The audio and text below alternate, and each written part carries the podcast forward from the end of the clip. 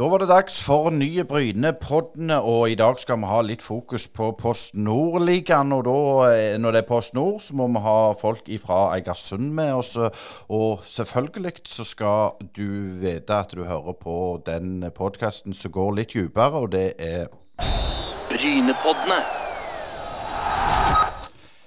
Eh, Kjell André Thu, nye trener i Eigersund. Og det vi må få klarhet i Du heter jo Kjell André Thu med THU, og vi har jo studio på Thu. Jeg bor på Thu. Hvor stammer dette navnet ifra, vet du det? Jeg har blitt fortalt at eh, det stammer herfra fra Bryne. Eh, At det var to gårder her på TU. Så for å skille de to gårdene, så var det en som ble TU og en THU. Så navnet mitt skal stamme fra den gården eh, langt baki der et eller annet sted. Men akkurat hvor langt det er jeg litt usikker på. For, for du er ikke oppvokst på TU, det, det klarer vi å høre. Og, og du kom fra Ørn Horten, der du har vært trener. Og litt sånn tilbake til, til din spillerkarriere. Du var jo et veldig stort talent. Du har jo eh, spilt i Sandefjord, Skeid, Ørn Horten, litt i Sarpsborg. Eh, prøvespilt litt. Du har eliteserieerfaring, landslagserfaring. Fortell litt om, om det Da er litt stygt å si. Hvorfor ble du ikke en toppspiller, toppspiller over lang tid? Ja, nei, det, det er eh, Det har jeg spurt meg sjøl om mange ganger òg. Nei, altså, jeg var, ja, jeg var ung og lovende en gang. Uh, debuterte i første divisjon med Ørn Horten uh, som 17-18-åring. Eh, og kom da også med på U-landslaget. Hadde Ståle Solbakken der på G18. Eh, og, og var på en måte ung og lovende der. Ørn Horten rykka ned, ble ett år i andredivisjon. Og så ble jeg plukka opp av Sandefjord, som var førstedivisjonsklubb. Eh, Det var i 2005, og, da, og det første sesongen der så, så rykka vi opp til Eliteserien med Sandefjord. Da hadde jeg en jeg vet ikke, en 18-20 kamper kanskje eh, den sesongen. Så fikk jeg også muligheten på U21-landslaget. Så hadde vel to kamper der, én offisiell og én uoffisiell, for det var mot klubblag. Så da eh, sto ikke den. Så, så jeg var ung og lovende en gang. Eh, etter Sandefjord så gikk vi veien videre til Skeid, et veldig veldig talentfullt Skeid-lag som da spilte det som heter nå Obos, med bl.a. Moa og Davdali og Moss og, og de, den gjengen der. Så eh, trivdes egentlig ikke Jeg ville vel egentlig ikke vekk fra Sandefjord, og trivdes egentlig ikke så godt. Og inn i Oslo-gryta der, flytta aleine. Så, så det, det Jeg takla egentlig det litt dårlig. Uh, og så gikk turen Geir Frigård ringte meg, ville ha meg til Eidsvoll i annen divisjon. De holdt på å rykke ned, så da, så hoppa jeg på det toget. Uh, og, og gjorde for så vidt greit der. Og så, etter halvannet år i, i annen divisjon, så, så tok jeg turen til Sarpsborg 08. Um, det var vel i 2009, tenker jeg, sesongen. Og det, det var det året altså Sarpsborg 08 gikk, vi var vel så å si konkurs på sommeren der. hvor Spillerne gikk rundt med kontrakter og ba om penger til uh, hver eneste kiosk på hjørnet der. så uh, men vi spilte veldig god fotball, hadde en veldig god høst og havna på kvalik. Og og på en måte sendte da Eller skulle da møte Fredrikstad, eh, som da havna tredje sist, sikkert, eh, som det var da. Eh, og da blei det en kamp mot Sarpsborg og Fredrikstad i Fredrikstad. Eh, og den endte vi opp med å vinne 2-0 og sendte Fredrikstad ned til første divisjon, så det var jo full jubel i, i Sarpsborg som by. Det, de to byene er ikke veldig glad i hverandre. Så, og det føler jeg på en måte var litt av den den starten og den gnisten som ble tent i det Sarpsborg 08 som vi ser i dag, eh, det var den sesongen der. altså sånn Fra å være omtrent konkurs på sommeren til å ha den vanvittige oppturen eh, utover høsten der, og, og, kulminerte i en, en eh, kvalikkamp mot Fredrikstad med 12 000 på tribunen, og vi sender dem ned i førstedivisjon. Så da, da, var det, da var det god stemning i byen. Så det var liksom kickstarten nesten sånn den, den sesongen her. Så det var, det var gøy å være med på. Men du, men du sier jo at du, du stammer fra Tu, og, du har jo vært og, prøvd å spille litt fotball i Rogaland før? Ja, altså, jeg har spilt fotball her, hvis det var det du tenkte på. Ja, men du har vært i prøvespill? Ja, jeg var- på prøvespill i Viking. Ja. Eh, Jeg husker ikke akkurat når det var. Da var jeg, det må jeg være sikkert i 2002-2003 en gang, tenker jeg. Eh, Så jeg hadde en, et ukes opphold eh, hvor jeg prøvespilte for Viking. Jeg tror det var meg og Huseklepp, faktisk. Ingen av oss fikk kontrakt, vel å merke. Altså. Så, altså, men ja, det stemmer, det. Det, vi, har en gjest med oss i, i, i Matheus Bårdsen. Vi skal vente litt med han, for han er daglig leder i Egersund. Vi må litt tilbake til deg, Kjell André. For det der med, med, med at du har vært på og lukta på nivået, du har, har levert på nivået, men, men, du har liksom ikke vært den stabile eliteseriespilleren og blei profesjonell. Du har landslagserfaring, du hadde i grunnen alle sikkert antageligvis forutsetningene. Men er det det som du sier, at du, du var ikke tøff nok i hodet når du har blitt voksen og tenkt over? Er det det som gjør det? Uh, ja, det er. Altså, det, det, jeg var, jeg var ikke Hadde ikke den skal si, staminaen. Altså, du, du, må stå i Og du må jobbe hardt over tid. Jeg jobba hardt, men det ble litt mer periodevis. Og så, så har jeg vært ganske ærlig på det. Jeg blei litt for glad i piker, vin og sang. Mm. Uh, og, og, det, det ja, Takla dårlig det å flytte til Oslo aleine, blant annet. Uh, ja, så klarte ikke å være seriøs over tid. Uh, det tror jeg ødela mye. Uh, og så er det litt tilfeldigheter. ikke sant? Du må ha Eh, trenere som eh, har trua på deg, og, og, som på en måte satser. Eh, og Så må du komme deg til riktig klubb, og så må du unngå skader og alle disse tinga. Men, men, i bunn og grunn så handler det om meg og, og, og min mentale utholdenhet, som, som ikke var god nok. Eh, men fra, fra, fra, eh, deg til den andre gjesten, Mathias Bårdsen. Det er jo en som har eh, virkelig fått sving på sin fotballkarriere. Spiller fast midtbane på Helvig i sjettedivisjon. Når vi kjører denne podden her, så kommer du fra kamp, Matheus. Det gikk ikke så veldig godt i dag?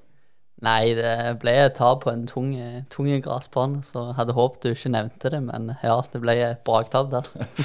men, men, du er jo daglig leder i eh, Eigersund, og er alltid sånn Vi snakker om alder, du er veldig ung nå, vet ikke hvor gammel du er, sånn ca. 20-ish. Og, og, og, når jeg ser liksom det deg, så tenker jeg hvorfor i all videste verden sier du ja til å bli daglig leder i Eigersund eh, fotballklubb? Nei, eh, jeg er jo 21, da, så det er jo eh, relativt eh, ungt, ja. Um, og det var mye Det ble jo litt oppmerksomhet rundt det når, når jeg sa ja til det, da. Det var jo fra med 1.11. i 2022 det jeg starta i rollen, da. Og så hadde jo ellers jobbet i klubben um, siden 2021 som i administrasjon ellers, da. Og begynte vel i 2019 sånn smått, eh, sånn smått bare å involvere meg eh, litt. Så jeg hadde jo vært, vært i klubben en god stund sånn eh, ja, i administrasjonen, og så tok det seg opp når, når jeg fikk spørsmålet. Klart du overtok jo en klubb som gjerne ikke var på skinner. Det var litt utfordringer. Du visste ikke hvor, mye, hvor mange spillere det var. ikke trener. Du var ukjent med den økonomiske situasjonen. Når du begynner, hva er det du fokuserer på? Altså, Jeg starta jo min første uke med at både hovedtrener og assistenttrener ga seg, og at vi fikk beskjed om at generalsponsoren trakk seg, så jeg ble jo kasta rett til ulvene sånn sett. Eh, men samtidig så ja, veldig god, god læring, og, og kom fort inn i det. Så um, du kan se på det, det var en tøff start, men når vi kom gjennom den, så føler jeg jeg kom kom veldig godt i gang, og vi har gått veldig styrka gjennom vinteren. og ja, vi kom der vi er nå, er veldig fornøyd med å være, egentlig. Å grave litt i akkurat det, for det er klart, da står du i stormen, i driten, som vi sier på Jæren. Og, og, sånn for den egen del, hvordan var det å gå og handle og gå ut i byen? Var det sånn du fikk fred, eller var det, var det sånn at alle spurte hvordan det gikk, og følte du at byen backa deg? Nei, jeg er Altså, jeg har alltid vært sånn at jeg tar meg tid å snakke med folk, og, og jeg er glad i å snakke med folk, så jeg følte jo at det var en litt sånn eh, En liten backing med at, i og med at jeg var så ung. Samtidig så, så merka jeg jo folk bryr seg om meg, og det er mange meninger, og folk ville jo vi skulle gå styrka gjennom det, så jeg tror nok folk eh, hadde litt argusøyne på meg for at ok, nå må vi virkelig gjøre dette skikkelig. Og så er det jo klart så hadde jo gode folk rundt meg òg. Jeg sto ikke helt alene oppi der heller, så Nei, jeg, eh, jeg merka på, på, presset, for å si det sånn. For Eik er jo en stor klubb med, som er blitt en etablert andredivisjonsklubb, så det var viktig at vi ja, pekte ut nesten en litt ny retning når ting ble som det ble. Og ja, fornøyde med sånn utfallet ble. Og, og Kenneth Andersen han, han var jo, har vært daglig leder i flere år og vært en markant figur som skyter litt fra hofta. Du er jo en veldig annen type sånn rent personlig. Eh, hvordan har du og han eh, samarbeidet?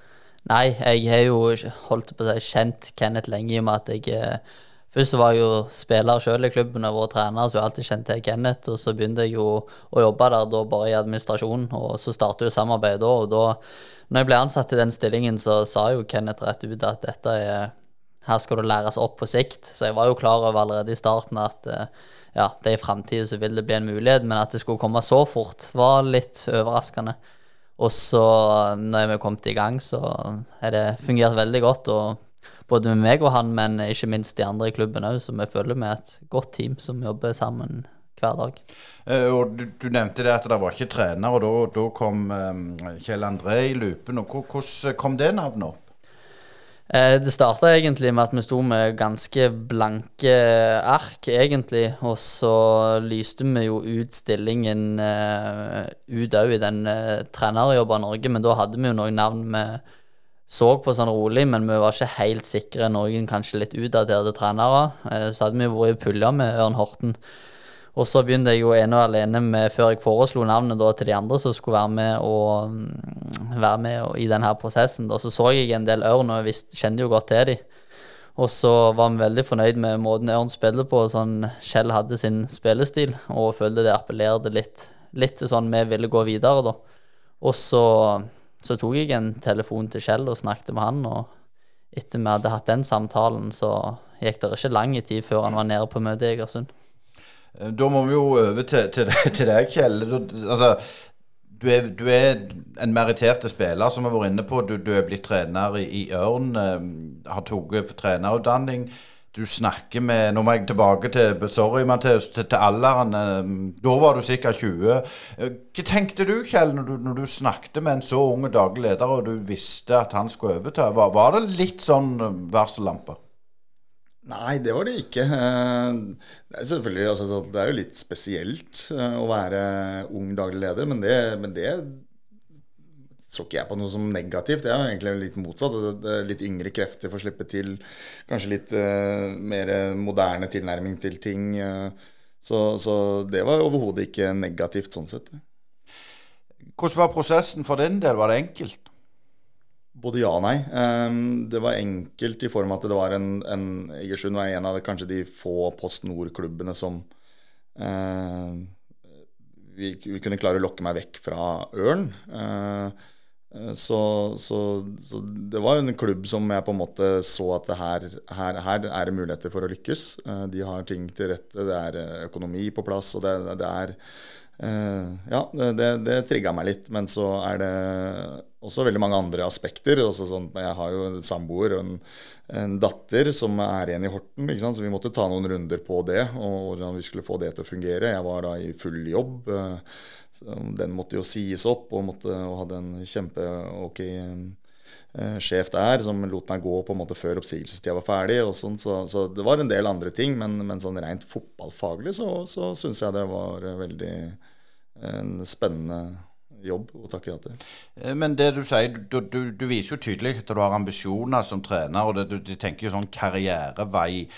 Var det liksom på snor toppen du ville til, eller hadde du på en måte større ambisjoner? F.eks. nå ser vi at det er mange som tar veien via et, et jentelag eh, i toppserien eller førstedivisjon.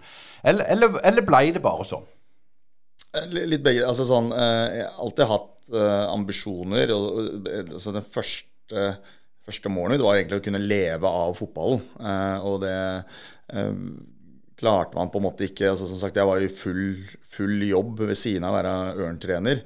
Eh, og, eh, og, det var veldig sånn eh, jeg, følte at jeg kunne gjøre en veldig mye bedre jobb hvis jeg kunne jobbe 100% med fotball. Eh, så, jeg var veldig sånn på at eh, jeg har lyst til å prøve det, og det kunne ikke Ørn garantere, eller det kunne ikke de på en måte tilby meg, mens Egersund kunne det. Så det var, det var det trigga meg veldig, og det var liksom første delmålet mitt. Og så har jeg jo ambisjoner utover det. altså sånn, Jeg har jo følt at det har vært i Post eh, Nord, så, så at, man håndterer det. Eh, og så er jo spørsmålet liksom Klarer man å, å gå opp herfra. Jeg har rykka opp fra tredje til Post Nord. Klarer man å rykke opp fra Post Nord til Obos, og så klarer man Obos-nivå. Det er jo sånn man har lyst til å teste seg på et høyere nivå hele veien. Så, så er det sånn, Man drømmer jo alltid. Jeg, kunne godt tenkt meg å hatt en eller annen trenerkarriere litt sånn i utlandet. Ikke nødvendigvis Premier League eller La Liga, eller noe sånt, men, men for å oppleve en annen fotballkultur, klarer man å ta med seg sine tanker og ideer og få det til å fungere i et et annet land, en litt annen fotballkultur, en annen eh, ledelsesfilosofi som er mer vanlig. Så, så, så det, det, er sånne ting som man tenker eh, Jeg kunne godt tenkt meg å prøvd, men eh, om man får til det, det, det er mer usikkert. Men Matheus, dere kunne jo valgt Jeg kaller det litt safe, lokalt, litt eldre. Dere velger litt sånn en, en up and coming. Var det veldig bevisst, eller, eller var det òg noe som bare ble tilrettelagt? Nei, det var egentlig veldig bevisst, og flere av navnene som ble innspilt, det var, som jeg sa i stad, litt eldre karer, mer etablerte, men vi var veldig på at som klubb òg så skulle vi være litt mer framoverlente og, mm, og, være offensive. Og mm, ja, så vi var ikke redd for å gå for han. Eh, men, men Kjell André, det Visste du hvordan den økonomiske situasjonen var i klubben når dere diskuterte dette? For det, det skal jeg spørre Matheus litt om, om, etterpå. For det var jo eh, litt så der, da? Eller, eller, var du informert om det? Eh, nei, de, de samtalene Altså de første samtalene vi hadde, så, så kom den, eh, den økonomiske biten. At det, det blei noe kutt. Eh, men når du kommer fra veldig lite, så, så er fortsatt det de kutta og det man så for seg av budsjett, er fortsatt på en måte et ok budsjett i forhold til hva jeg var vant til. Eh, så, så ja, jeg visste at det var eh, ikke på samme nivå som det hadde vært tidligere. da. Mm. Når, når, du sier at generalsponsoren skulle, skulle, trekke seg ut og det, det er jo, Eller, eller hva det heter Gå ned på, på og det er klart det, Covid og, og, alt har jo spilt inn. Eh, men nå, hvis vi ser nå, leder tabellen det ser ut som at det er kommet en del eh, penger likevel. Generalsponsoren er vel med litt igjen. Den snuoperasjonen, hvor, hvor, hvor, vanskelig var den? Nei, Først og fremst så var det, var det, veldig tungt å få den når du vet på en måte Det har alltid vært nesten en garanti at du har hatt en veldig solid eh, generalsponsor som eh, har vært veldig god i mange år og er fortsatt det. Men når vi fikk den beskjeden, så tenkte vi litt sånn Oi, shit, hva gjør vi nå? Men så var vi veldig bevisste på nå må vi ikke gå og ja, sutre for lenge heller. Så vi var veldig bevisste på ok, nå må vi heller brette opp armene. Hvordan kan vi, hvordan kan vi få inn andre midler? Kan vi tenke litt nytt på andre ting? Eh, kan vi appellere til andre sponsorer som normalt er, ja, ikke bare holder til i Egersund? Så det første vi gikk, var for uh, var OK, hvordan kan vi heller få inn andre penger enn å tenke kutt? Og så ble det jo selvfølgelig litt litt kutt enn vi hadde tenkt, men vi, målet var jo selvfølgelig å kunne øke inntektene litt mer enn vi hadde gjort tidligere fra andre sponsorer. Men nå, nå, er vi i, i, eh, slutten av mai. og Hvordan vil du si den økonomiske situasjonen i Egersund er per i dag? Nei, det ser, eh, det ser, ganske greit ut. Vi hadde jo et tøft eh, år i fjor med, med et relativt solid underskudd. Mye av det var jo mye av det var litt nye regler som kom i forhold til mm, arbeidsforholdene. Litt med strømmen som eh, de fleste klubber sleit med, og absolutt oss. Og vi kan være vel særlig å si at den eh, På to måneder i 2022 så hadde vi den samme strømregningen som vi hadde hele 2021. Eh, så det ble, økte jo plutselig betraktelig for oss. Så det var, det var mange uforutsette ting som kom samtidig. Og så merka vi òg at sponsorene òg slet litt. Når vi kom med faktura nummer to, så slet jo òg sponsorene òg med både krig og inflasjon og strøm sjøl. Så da var det jo noen som eh, sa beklager, jeg kan ikke betale del to på sponsorregningen, men vi ses igjen til neste år. og og det må vi jo bare akseptere, at eh, de òg driver jo en bedrift, så da var vi jo selvfølgelig litt klar på det. Men hvis du spør meg nå i mai, så ser det egentlig ganske godt ut. Strømmen er jo ennå litt dyrere enn den var, og da kommer jo alltid noen uforutsette utgifter. Men ja, vi har relativt grei kontroll, og det ser, det ser ganske bra ut. Og bedre enn vi satt på en uh, tung eh, novemberdag og, og frykta det verste en periode der. Så nå ser det ganske greit ut, og nå er jo målet ja, fortsette å kjøre på og bygge oss opp enda mer. Ja, litt det til, til byen. eh, Jeg var inne på det tidligere. Du føler du er- har backing fra byen. Nå, nå var jeg over eh, Egersund og Arendal. Mye folk der uten. Føler du at det er litt sånn ny giv? Absolutt. Det må vi si, og det ser vi litt på publikumstallene. Vi ser litt på kommentarer på Twitter, Facebook, bare rent sånn i sosiale medier med folk som følger med. Så jeg tror nok, eh, jeg tror nok de har fått eh, en liten ny giv med et trenerbytte sånn sett. Og ikke bare det, at det tok litt tid etter covid. Var rett og slett få folk på kamp, og vi vært litt ja, litt bevisste på det. Hvordan kan vi få folk på kamp igjen med å være gode på å reklamere det? Kan vi bruke avisen? Så det har vært bevisst det. Så vi føler jo Nå har vi jo hatt Hadde vi vel 675 mot Lyn og nærmere 600 mot Arendal, så hvis vi kan legge oss på rundt på det snittet, så vil det jo gi, ja, gi godt ifra seg. Og det er jo ja, utenom Lyn og Arendal, så er det vel ikke mange klubber som har det samme publikumstallet. Det er jo litt Se på Kjelsås som er 70 mann plutselig på Grefsen. Det er litt mer trist, og det er jo et solid engasjement i Egersund. og Det hadde vært kjedelig hvis det bare var 70 mann og så på oss òg. Det, det er jo det som betyr noe. Men det er jo helt sykt å høre på 70 mann. Altså, nå har jo jeg òg spilt på mot Helvig og i Brønnmyr, og der var det jo òg 70 mann. Men, men hvordan er det for deg, Kjell André? Du kjenner jo Post Nord ut og inn. Er det sånn som hvis vi sier deg når det er 70 mann, er det drivverdig?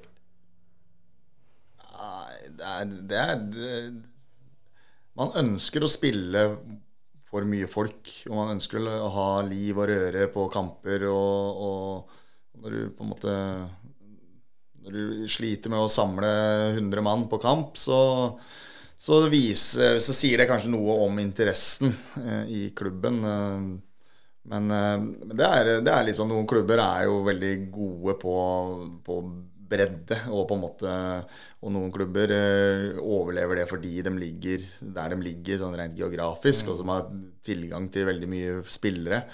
Eh, så jeg er veldig fornøyd med Egersund og det engasjementet der. Og, vi, og hvis vi klarer på en måte å ligge helt i toppen og vi spiller en, en positiv eh, fotball og vi klarer å lage like mye drama på alle hjemmekampene som, eh, som vi har gjort i hvert fall to av tre nå, så, så, så er det veldig god underholdning. Og det tror jeg drar mye folk eh, opp. Og, og hvis vi klarer å ha et snitt på mellom 500 og 700 der, så, så er det kjempebra eh, til Post Nord. Hvis du kommer litt nærmere mikken der, Kjell André, du må ikke være um, beskjeden. Men jeg tenker vi skal gå selvfølgelig mer inn på Engasund, men jeg tenker det når du er i Horten der, det der er det Moss og Hvem er det som Hvordan er på en måte rekrutteringa akkurat i Østfold-fotballen? Er, er det noen som støvsuger alt, eller, eller er det? Fortell litt om hvordan det var. Nei, nå, Østfold er eh, feil side av fjorden. Ja, det stemmer, det. Det eneste positive med Østfold er at du ser på Vestfold. Nei, så I Vestfold så er det Der ligger byene veldig tett. Eh, Der snakker vi liksom eh, bare et par mil mellom Horten, Tønsberg, Sandefjord og Larvik. Det er veld, veldig mye mennesker på kort område, men det er også veldig sånn tilhørighet per Altså vi sitter på hver vår tue og, og holder på spillerne. og så, så, så det er liksom Det går veldig mange klubber som fighter om de samme spillerne. Eh, og så skulle man tro at Sandefjord var eh, på en måte moderskipet i, Vestfold, men det, det har de ikke klart å få til. Altså, Sandefjord er eh, ikke Vestfolds lag, men Sandefjords lag. Sånn som kanskje Strømsgodset har vært bedre, best, eh, eller bedre, eh, og, og ikke minst Odd nede i Grenland. ikke? Altså De samles om ett lag. Det, det har man ikke klart å få til i Sandefjord og Vestfold. Så, så der er det, det er veldig tett mellom laga som spiller på ca. det samme nivå. Og så, eh, ja, så, så er det vanskelig å få spillere til å flytte mellom byene. Eh, Sånn som i Egersund nå, jobber dere litt med, med, med det kan jeg spørre deg, Matheus. eh, Jobber dere med, med en rekrutteringsstrategi? Altså få med disse lokale klubbene i Helvig, eh, Sokndal, eh, Eiger osv.? Eller, eller blir det vanskelig? Nei, altså, vi, vi prøver jo på det, og det er nok bedre enn det har vært tidligere, men skulle det nok vært enda bedre igjen. Eh, vi er jo sånn eh, et tiltak som går hver fredag, eh, annenhver fredag for gutter og jenter, da, Team Sør-Vest og Team Sparebanken Vest. Som er på en måte der vi inviterer ikke bare de klubbene, men òg Nærbø, Brusan, Varhaug, eh, litt opp på Jæren òg, for å gi et tilbud. Så vi prøver å skape en liten sånn lite start på et samarbeid, og det merker vi. og Nå skal vi jo på Dana i sommer låne litt spillere av de ulike klubbene og får et samarbeid, og de får et forhold til Egersund. Men eh, vi kunne nok vært enda bedre, men jeg føler at ja, at i hvert fall, om ikke klubbene, men iallfall Iallfall i hvert fall personene som er knytta til det, får en mer sånn tilhørighet til Egersund. Men sånn så for deg som hovedtrener, hvor bevisst er du på å være rundt og se fotball? Eller, det er klart, det er jo en Altså, Du jobber jo døgnet rundt, så du må jo på, på en måte prioritere tida di. Men er det vanskelig å prioritere riktig? Nei, det, nei, det syns jeg ikke. Uh, men eh, man prøver jo å, å se litt, grann, men så er, jo, så er det litt sånn begrensa. Skal, skal, jeg reise en time for å se en fjerdedivisjonskamp, eller skal jeg um, ja, som du sier, prioritere det på noe annet, så jeg føler ikke det er vanskelig. Um, har jo Matheus ganske bra kontroll på, på, på en måte nærområdet. Um, så, så, rekrutteringsmessig så har jeg vært fra jeg kom inn, så har jeg vært veldig sånn tydelig på at uh, nummer én er hvis vi har muligheten og gode nok unge spillere i klubben, så ønsker vi å satse på de. Altså Ref. Uh, Fanuel f.eks. Um, og hvis vi har på en måte noen andre lokale spillere som vi veit holder målet og holder nivået, så ønsker vi de inn. Uh, jeg tror det er lettere å skape et lokalt engasjement når du har uh, flere lokale spillere. Uh, og det har kanskje vært et problem tidligere i Eik. Så, så, så, så, det var vi egentlig ganske tidlig ute med, og, at vi ønska å beholde en del av de lokale. Vi ønska å rekruttere lokale, og vi ønska å, å, gi de unge, uh, sultne og gode nok, ikke minst spillerne, muligheten. Uh, og Det føler jeg på en måte vi har treffet ganske bra på. Vi, vi, vi, har, uh, vi har, en del lokale spillere i stallen vår. og det og så er det, det det nettverket skulle jeg selvfølgelig Jeg skulle gjerne hatt bedre kontroll på alt som rørte seg av fotballspillere i nærområdet, men der føler jeg på en måte at Matheus har stålkontroll. Og så har jeg veldig bra kontroll på Østlandet, f.eks. Eller Vestfold, som jeg liker å kalle det. Ja. Et lite øyeblikk, nå skal du få en god promotering av Brynepoddene. Du hører nå på Brynepoddene en uavhengig og litt dypere podkast som gir deg lyden av ekte sport. Vi har studio på Bryne, og herifra sender vi deg motstemmen til den overflatiske og klikkorienterte sportsjournalistikken. Gå inn og se i vår nettbutikk på Bryne Paddene med dobbel a, og følg oss i sosiale medier. Ja, for all del, følg oss i sosiale medier. Vi er på Facebook, Twitter, YouTube, Instagram og LinkedIn. Veldig bra hvis du har mulighet å sende oss en melding om tips og gode ting vi kan ha i Brynepodden. Og vi har Kjell André Thu, hovedtrener i Eigersund, og Matheus Bårdsen, som er daglig leder i Eigersund. og Kjell André, hvis du ser på, på de spillerne du har, så føler jo jeg at Post Nord er blitt så godt at det, det, er utrolig liten forskjell på bånn Obos og topp Post Nord. For der ser vi at det er flere som ikke har vært gode nok i Obos-ligaen, som kommer ned på Post Nord, men allikevel så spiller de. De spiller gjerne, men de dominerer ikke der. Er det din eh, refleksjon òg, at det er veldig tett der? Jeg følger deg veldig på den. Eh, jeg tror eh, Det har vel også vist noen ganger i Nå røyk jo Arendal i kvalik mot Skeid, men tidligere så har jo andredivisjonslaga i kvalik Obos eh, gått opp. Så, så, jeg tror det nivået har Det er dette spissinga av andredivisjon, så har det på en måte gjort at det gapet er mye mindre enn noen gang. Og, og med liksom lag som over tid satser, så, så får du høyere nivå. Så, så topp Post Nord-lag det er, står ikke så veldig langt unna på en måte nedre halvdel av, av Obos. Og så er det jo litt sånn oppfølging til neste spørsmål, Matheus. For det er klart det er vanskelig å rekruttere egne spillere. Selv om det, det, det, ønsker jo alle klubber, selvfølgelig. Men du er helt avhengig av å ha tilsig. Og hvor ser en etter? Ønsker en å gå lokalt der òg? At du har jo Bryne, Sandnes, Ulf, Viking. At de som ikke lykkes der, kan eventuelt lånes? Eller, eller, eller er det andre, f.eks. å se til, til Sverige, Danmark, Island? f.eks.? Nei, selvfølgelig så vil vi først og fremst til egen klubb, da. Og så merker vi at det er mye gode spillere og mye kull som kommer opp, men eh, det største ulempen med Egersund det er utdanningstilbud. Og de fleste forsvinner vekk på skole som om de ikke er gode nok for Post Nord når de var 19, men kanskje de kunne blitt en ganske ok Post Nord-spiller når de ble litt eldre og fikk utvikla seg litt, men det får vi aldri se, for de forsvinner vekk ganske tidlig. Um, og så er vi jo heldige sånn som med Fanuel nå, som er bra talent. OK, det, han går som tømrer og satser på at han fortsetter med det. Så OK, da beholder du han Egersund, men det er liksom Du sitter nesten litt og håper hva karrierevalg de går. og det er jo den største ulempen vi har i forhold til sånn i rekrutteringen osv. Og og så ser vi jo lokalt ehm, Det er jo klart at ganske mange i troppen er jo ellers fra Rogaland, da. Eh, og vi, og vi ser jo først der, som du sier, både med Bryne, Sandnes Ulf, Viking. Eh, nå er vi jo litt andre spillere, du Dvergsdal fra Varhaug. Så vi ser jo rundt til det lokale først. Og så selvfølgelig skal de være lokale, men de må være gode nok òg til å holde bra standard. Og så, og så ser vi jo selvfølgelig må vi jo ha en litt utenifra på For Post Nord er blitt såpass høyt nivå at du kan ikke bare basere deg på, på kun rogalendinger der vi er nå, for vi har jo litt konkurranse fra Ulf og Bryne òg om, om de samme spillerne. Uh, og eneste litt annerledes i år, er jo at uh, hvis du ser på flaggene på den lagoppstillingen du har der til venstre for deg, så ser du at det er bare norske flagg. Um, ganske bevisst det òg, uh, og vi hadde ikke hatt sånn sett noe imot å hatt en utlending eller to heller inn, men vi har vært veldig bevisst på det. Det skal være de rette typene, de skal gli godt inn i gruppa, og da er det som regel enklere hvis du er norsk. Så den rekrutteringen og veien videre, der er vi der er vi ganske bevisste på hva vi vil, og føler nesten vi har vært litt kresne, men det har nok vært nødvendig for å, for å bli enda bedre på spillerrekrutteringen til å lage et lag, og ikke bare enkeltspillere. Nå vil jo jeg si det å komme til, Teigersund er jo mest å komme til et annet land, er det ikke det, Kjell André? Jo, det stemmer.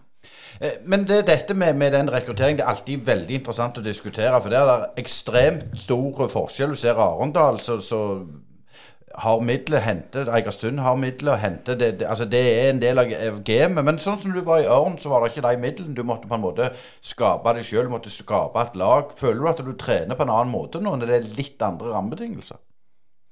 Um, ja, det, ja det, det, det, er Vi har en litt mer proff hverdag. Du kan sette litt høyere krav til spillerne her. Altså Dette her er i større grad i fotball er jobben deres.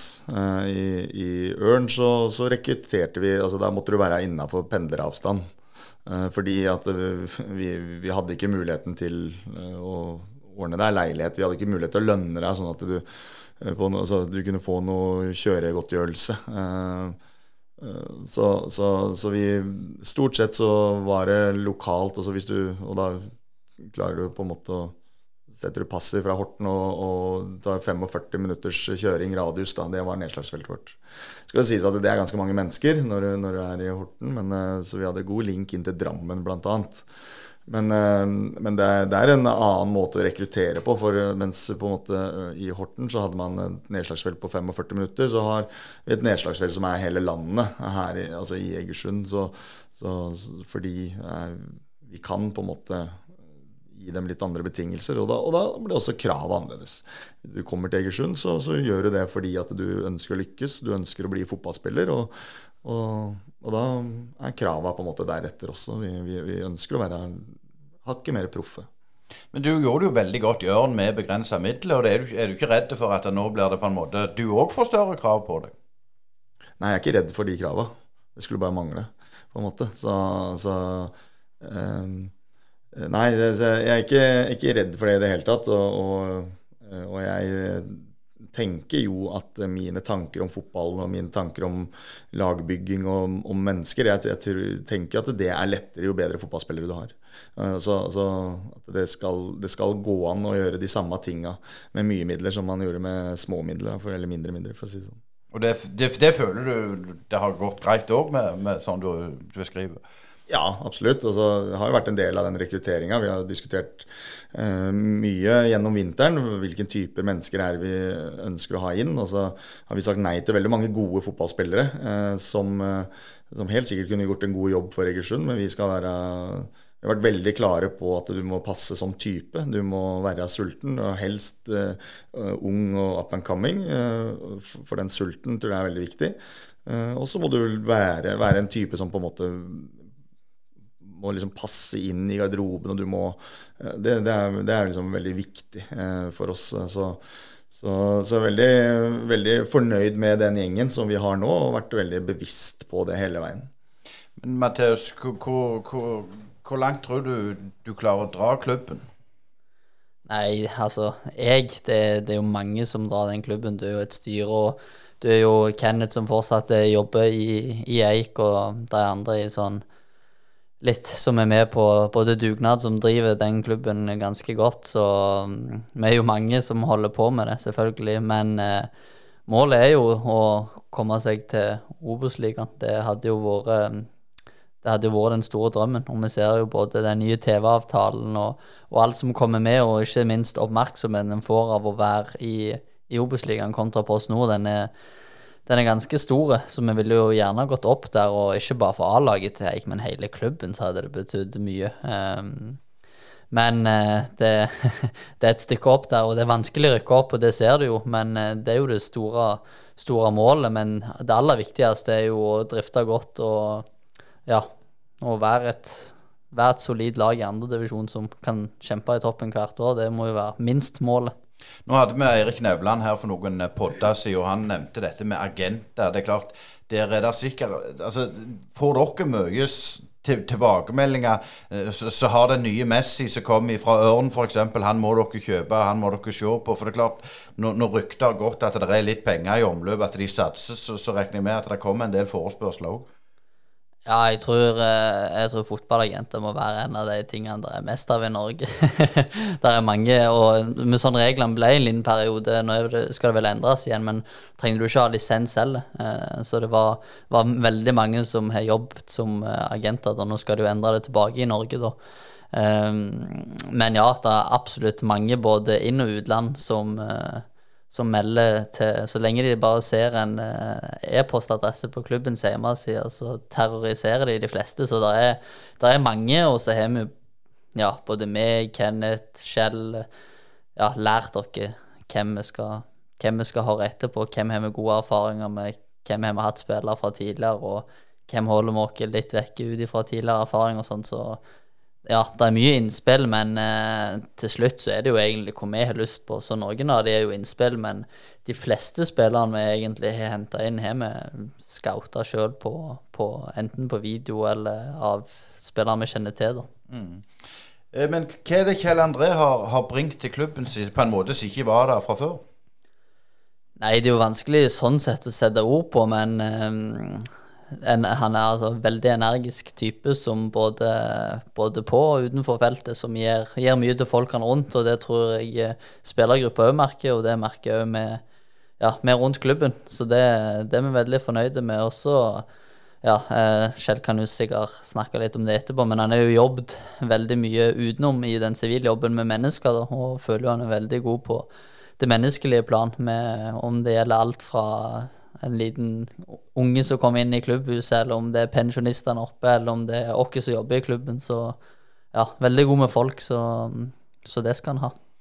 Eh, ja, Når han snakket om den ungen, så er det vel han sjøl han snakker om der, Kjell. Men, men, det med å takle mennesket, coache, få et lag til å prestere Hvis jeg sier at for 30-20 år siden så var ikke det så viktig, er det blitt viktigere i dagens toppfotball? Ja, absolutt. Jeg tror på en måte det alltid har vært viktig, men altså det, er, det, er, mye mer fokus på nå. Og så har det vært litt mer sånn tilfeldig om du klarte å få det til eller ikke. Altså, enten så klaffa du, eller så klaffa du ikke med treneren. Eh, mens nå så ser du jo altså det med sant, idrettspsykologi og, og, det mentale treneren og det mentale aspektet er veldig mye mer i fokus nå eh, enn en tidligere. Eh, og det kommer bare mer og mer også. Så, så det, det, tror jeg absolutt eh, er et spor og, som moderne trenere følger i mye større grad. Og nå har vi jo snakket med folk som har tatt Uefa Pro-lisensen, og der òg er det faktisk en del fokus på akkurat det. Det, det var derfor jeg var litt sånn på deg med, med, med at du gjerne tenker det Jeg hadde ikke det mentale som skulle til. Du ville ikke gå den ekstra mila for å bli en toppspiller. Men sånn som du er trener i dag, er det noe du bruker? For du må jo gjerne si til en, en som spiller i Egersund sorry, du, du, har ikke det som skal til for, for å være som meg. Ja, altså jeg tror jeg som trener er jo på en måte summen av alle erfaringer jeg har eh, i, livet. og Uh, og det er på en måte på både positive og negative erfaringer. Uh, og, og, og den livserfaringa bruker jeg, tror jeg, daglig uh, inn mot spillere. Det, og det, det handler jo om å være, altså være menneskekjenner. Hvilke knapper skal man trykke på til de forskjellige spillerne? og altså, Noe av det mest urettferdige du kan gjøre, er å behandle alle spillerne likt. Fordi mennesker er eh, utrolig forskjellige, så, så, så noen trenger å godsnakkes med, andre trenger litt eh, kjeft, og noen trenger bare å, eh, altså, pedagogiske midler i form av video, tavle, coaching på feltet, mens andre bare tar det bom gjennom et, en snakk. Så, så alle disse tinga er på en måte er, er ting jeg har tatt med meg fra tidligere, på en måte, som, som gjør at man blir bra med mennesker, da, tror jeg. da. Nei, nå hadde vi, Jeg var jo nede i Nederland og snakket med Daniel Karlsbakk. Og det som jeg synes var så interessant med, med, med bl.a. det han sa, at der var de ekstremt opptatt av å dyrke det han var god på. Og, og selvfølgelig skal du prøve å heve det han er svak på, men dyrke det gode og utvikle det, er det noe du òg gjør? Eh, Ja, jeg prøver det i hvert fall. Eh, Vi, vi som lag prøver, prøver å ha fokus på oss selv eh, og våre styrker. Og, det, og vi som lag er jo, eh, er jo gode på det, det de enkeltspillerne er gode på. Så, så, så, så vi ønsker jo å dyrke spisskompetansen som vi har i laget. Vi ønsker å utnytte det, og vi ønsker på en måte å forsterke det. Så, eh, og så kan det godt hende at jeg kunne vært enda bedre på det og hatt fokus på det. Men det er også, tror jeg, det er viktig å liksom ta tak i de tinga som ser at ok, nå lugger det litt på høyt press, f.eks. At man tar tak i det. Og, og for noen så har det nok kanskje vært en liten sånn eh, kulturforandring at jeg, når jeg kom inn, i forhold til det å trene hardt og det med å ha høy intensitet på trening. og eh, altså Man hviler seg ikke i form, eh, for å si det sånn. Det, eh, så, så det, det, det har, eh, vi ønsker å ha fokus på det, men så kan man helt sikkert bli bedre. Og så er det noen ganger så må spillerne også skifte litt fokus og være villig til å ta inn ny læring. Da. Nå skal jeg stille et spørsmål til begge, og da er det viktig at dere er ærlige. Da, da vil jeg bare sånn et positivt først. Hva- Når du kom inn, eh, Kjell, hva, hva, hva er det du syns var mest positivt med klubben, og som på en måte overraska deg? At det var en uh, veldig sånn folkelig klubb med pensjonister som kom eh, hver mandag. Og, og, og kom, altså, det var en veldig uh, en klubb som hadde alt. Altså, barne- og ungdomsavdeling, damelag. Eh, eh, ikke? Og, og hadde alt. Det var en stor, stor klubb som, eh, som hele byen på en måte hadde et forhold til. Så det var veldig positivt. Og så er det da det var det du følte det var litt mer utfordrende. Det går Klubben har litt utfordringer i forhold til noen arbeidsfordeling på hvem som gjør hva. Eh, På en del ting. Det er litt sånn klare kommandolinjer. eh, Det prøver vi å, å rydde opp i. Så det går på alt fra utstyr til uh, hvem som faktisk tar avgjørelse på alt mulig av ting. Så der har vi litt å gå på, men det jobber vi med. Og da må vi jo over til Du kjente jo klubben, Mathias, når, du, og jobbet der når du ble daglig leder. Men når du har kommet liksom enda tettere på, hva, hva, er det det som har vært mest positivt?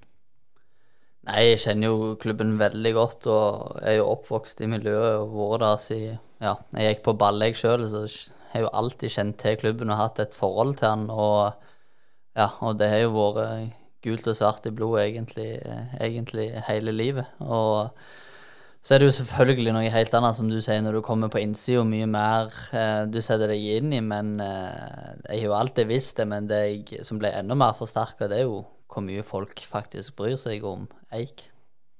Og når du kan komme inn, og hva, hva du syns har vært vanskelig og på en måte tyngst å, å jobbe med?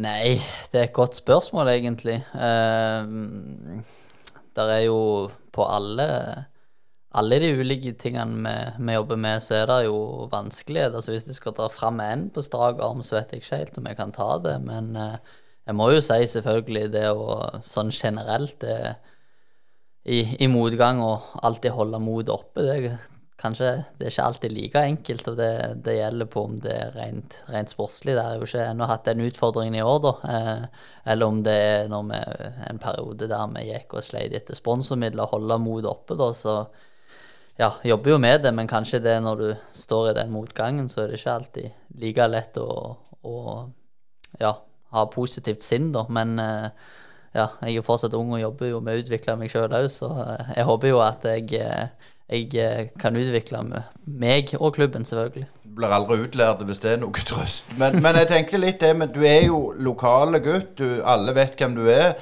Så tenker jeg òg at det, det må jo være at det plutselig er det en far eller en mor som sønnen sønn eller datteren har ikke fått den vannflaska som alle de andre. For får du mye sånn sånne tilbakemeldinger, eller slipper du det? For jeg tenker når du er du er jo en Urias-post der alle skal peke på deg.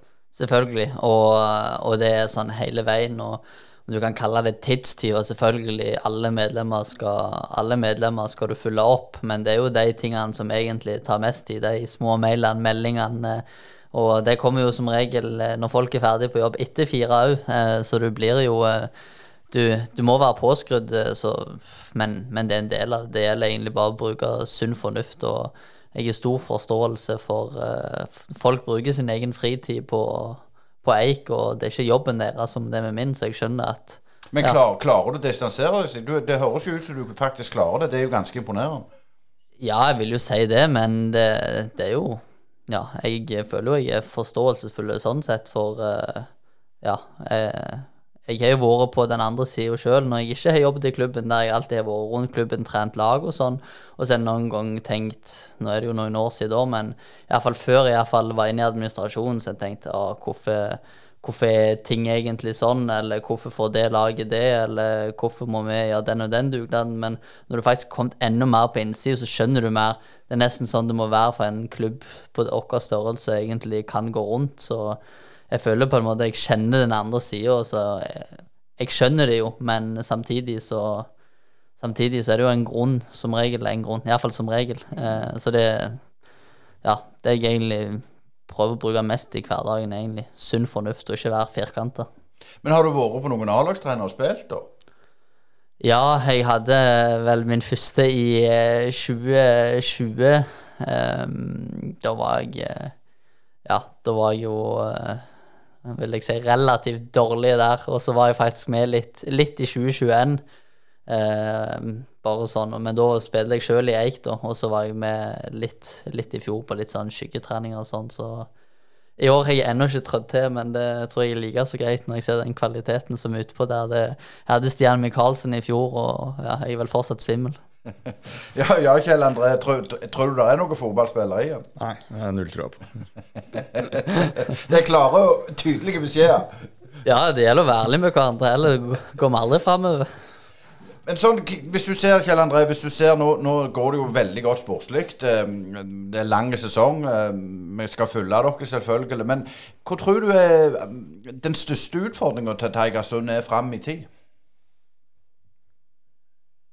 Nei, For oss som lag nå, så, så handler det om altså, Det har vi snakka om at det, Jeg tror fort at vi, vi er vår største utfordring sjøl. Altså sånn det å holde, um, holde trøkket oppe, ikke, ikke slippe oss ned uh, noen prosent i, i, i arbeidsinnsats, altså i treningshverdagen, og, og at vi liksom klarer å holde det trøkket opp eh, over tid. Det, det er den største utfordringa. Altså, som jeg sier, det- største steget du tar som et lag, det, det er alle på en måte klarer å bli et sted mellom to og fem. Altså det, ikke alle, men, men det, et, det, det får man til. Men det største steget er å gå fra det, det sjiktet mellom to og fem og bli faktisk nummer én. Eh, For da har du ikke veldig mange feil du kan gjøre i løpet av en sesong. Eh, Så, så, så det er den største utfordringen tror jeg blir oss sjøl. Det å klare å holde trøkket, holde nivået oppe og, og ikke slippe oss ned noe som helst. Um, så er det Som klubb så, så må man jo begynne å tenke altså Skal du opp til Obos, så må du tenke som Obos. Og da må man nesten drive som en Obos-klubb. Uh, og der er, vi, har, uh, vi, vi gjør det på noen områder, og så har vi noen områder hvor vi omtrent er en tredjevisjonsklubb. Så, vi, så vi, vi, har, vi har uh, litt å jobbe med. Men det kan jeg jo si, de som er i Obos-ligaen, der er jo mange mange ting der som er òg på tredjedivisjonsnivå. Altså, så det er jo litt Det der er jo fascinerende. For du, du, liksom når, du, når, du, når du er med med denne poden òg, når du har vært besøkt klubber og andre idretter som er i toppen, så tenker du at alt er profesjonelt, men det er jaggu mye løye der òg. Ja da, og det, og det, men jeg tror også de, de som på en måte er flinkest på det som er viktig, da, eh, de blir på en måte best. Altså hvis vi som eh, hvis vi har liksom seriøse ambisjoner om Obos, så må vi være best på spillerrekruttering. Vi må være best på trenerfeltet. Vi må, vi må på en måte jobbe hardere, vi må skape et bedre lag. Vi må gjøre en del av de tinga som faktisk er gratis. Da. Eh, så, og så, må man på en måte hele tida streve etter å bli bedre på alle andre områder òg. Men jeg, jeg, tror de som har uh, riktig fokus over tid og er gode på de tinga som er viktige for et fotballag, da, jeg tror de blir best til slutt. Men føler du eller tror du at den, den gruppa du kom til, at det var en del som var rett og slett fornøyde med å spille i Egersund? Altså Det er jo òg en fare. Hvis du er fornøyd med å trene i Egersund, så vil jo jeg sagt da kommer du aldri videre. Både ja og nei. Altså, jeg, jeg, tror noen var litt komfortable. Det tror jeg de var. Eh, og hadde lagt til seg noen uvaner. Og så er det sånn alle Jeg tror alle som var der, hadde en ambisjon om Obos. Og, og, men så er det liksom Ok, men, men hva skal faktisk til for å rykke opp fra andredivisjon. Det, det tror jeg kanskje hadde uh, ikke gått i glemmeboka, men at man, ja, det, man, jeg tror vi er ganske tydelige på det nå, da, hva som skal til. Uh, og det, det, føler jeg gutta har respondert veldig bra på. Så. Er det din følelse òg, dette, Matheus, at, det, det, at det er en liten endring? Ja, det vil jeg si. Eh, det vil jeg absolutt si. Og så er det jo selvfølgelig litt vanskelig å, å sette fingeren alltid på akkurat hva det er, men, eh, men, det går jo an å si at det er en liten, eh, liten endring på, på, noen områder. Og noen, de fleste områder er jo relativt likt, og så er det noen ting som endrer seg i, i positiv forstand òg. Så så det føler vi absolutt. Og så, ja, som vi har snakket om, at mennesker er forskjellige, og det samme er jo trenerfilosofien òg. Så ja, det er både fordeler og ulemper med, med å skifte, skifte, en trener òg, men jeg føler spillergruppa har respondert ganske bra på det, og den største forskjellen det er nok eh, det å ikke bli så redd for å bli skada at du ikke trener med høy intensitet. Litt sånn Bodø-Glimt-inspirert som Kjell pleier jo like å brife med at eh, det er Bodø-Glimt som spiller som Kjell, og ikke motsatt. Um, men eh, ja, litt av det føler jeg du kan se. Men det som Ojan Bijan, han var der jo i fem eller seks år, og han, han gjorde en kjempejobb. Men han syntes det var utfordrende med at du skifta stall, så det var så mange nye spillere. Du òg har fått mange nye spillere. Er det noe òg du tenker på at nå må vi på en måte sette Du får jo dynamikk i ei gruppe, men at det ikke er liksom ti, ti spillere ut? Ja, absolutt. Jeg har veldig trua på kontinuitet. Eh, egentlig både på trenersida og ikke minst på spillersida. Jeg, tror en gruppe som får jobba sammen over tid, uh, har større sannsynlighet for å lykkes. Uh, og, det var jo en av de tingene som vi også snakka om. at den, den, Det er en del utskiftninger i år, men det er også på en måte den grunnstammen fra i fjor, den er der. De som spilte mye i fjor, Eh, de aller fleste er der fortsatt. Så, så, så, så, jeg føler på en måte at jeg bygger videre på den, ganske, altså den bra jobben som ble gjort fram til, eh, fram til nå. Og og så, får jeg på en måte lov til å ta med meg mine tanker og ideer og bygge videre på, som du sier, som er det har blitt gjort veldig mye bra over lang tid. Og så får man se om, om, litt nye tanker og litt nye ideer og litt ny stemme kan klare å vippe det siste biten. Eh, nå fikk jo eh, Anders Klemensson eh, en stygg skade, er operert og er i bedringens vei. vet vi. Dere har fått inn en, en lånekeeper fra Sandnes Ulf. Mathias, fortell litt om Det gikk fort, men, men det var, var, det en, en grei prosess? Ja, absolutt. Og Sandnes var veldig samarbeidsvillige. så det gikk egentlig ganske fort fra, fra vi kom i kontakt til, til det var klart. Og, og, jeg tror det var fint for alle parter, både for Ulf og Eik og Sander, ikke minst. Så han sto jo til elleve kamper i Obos-ligaen i fjor og bytta jo litt mer slag Falk på å stå, så han har jo stått på et høyere nivå enn det Eik har vært på. Så vi får inn en god keeper som hadde sin første økt i dag og, og er i gang nå, så ja det var, det var veldig ryddig med Ulf, og vi var glad vi fikk det på plass på såpass kort tid. Siste spørsmål fra meg i Brynepoddene nå. Det går òg til begge to. Matheus, hvem er største utfordrerne til Eigersund om et eventuelt opprykk? Nei, jeg vil jo si på papiret Arendal med kvaliteten de har. Og så syns jeg Lyn òg var et veldig bra lag med et uh, defensivt uh, fundament med Jan Halvor der. Um, så jeg vil nok si det er de to og Eik som nok vil knive om den førsteplassen sånn sitt nå. Og så kan det selvfølgelig mye endre seg. Du så jo bare vi plutselig fikk med stygg skade på vår ut av resten av sesongen. og hva skjer i Arendal, for det er en skade på Mathias Johansen, så endrer jo det seg. Så du vet jo aldri. Men sånn per nå så syns jeg det er Lyn og Arendal som blir utfordrerne. Og kanskje Arendal er nok de som ser akkurat nå skarpest ut. Ja, jeg følger uh, Mathias veldig på den. Jeg altså, tenker at uh, Arendal er, er, den største nøtta for, for vår del. De ser skamgode ut og har en vanvittig bra tropp. Så, så er det, som Matheus sier, at det er jo uh, det var vanskelig å si det er en lang sesong, men jeg er også ganske trygg på at vi skal kunne være med helt der oppe. Eh, det har jeg veldig trua på. Og så, så syns jeg også Lyn ser sterke ut. Og de tror jeg også har midler til å kunne eh, forsterke til sommeren, hvis de, hvis de har lyst til det eller, eller, ser behov for det. Så det er en gammel storhet midt i Oslo-gryta med masse penger. Det, det, er en god kombinasjon. Så, så de også ser farlige ut. Og så, så, er det litt sånn dark horses der med, med, med Grorud, med Kjelsås. Uh, Kanskje til dels Ørn, hvis de får spillet til å sitte. Nå knuste de med Grorud 4-0 sist, så, så men, men er Post nå blitt litt så Obos? Det liksom, det er ikke lett å være tipper? Nei, eh, det er, eh, det, hittil i år så er det vel på en måte det eneste som har vært stabilt, er eh, at Egersund ikke taper. Mm. Også Levanger i den andre avdelinga. Men ellers så Ja, det er, det er litt sånn kokosliga. Det er umulig å si.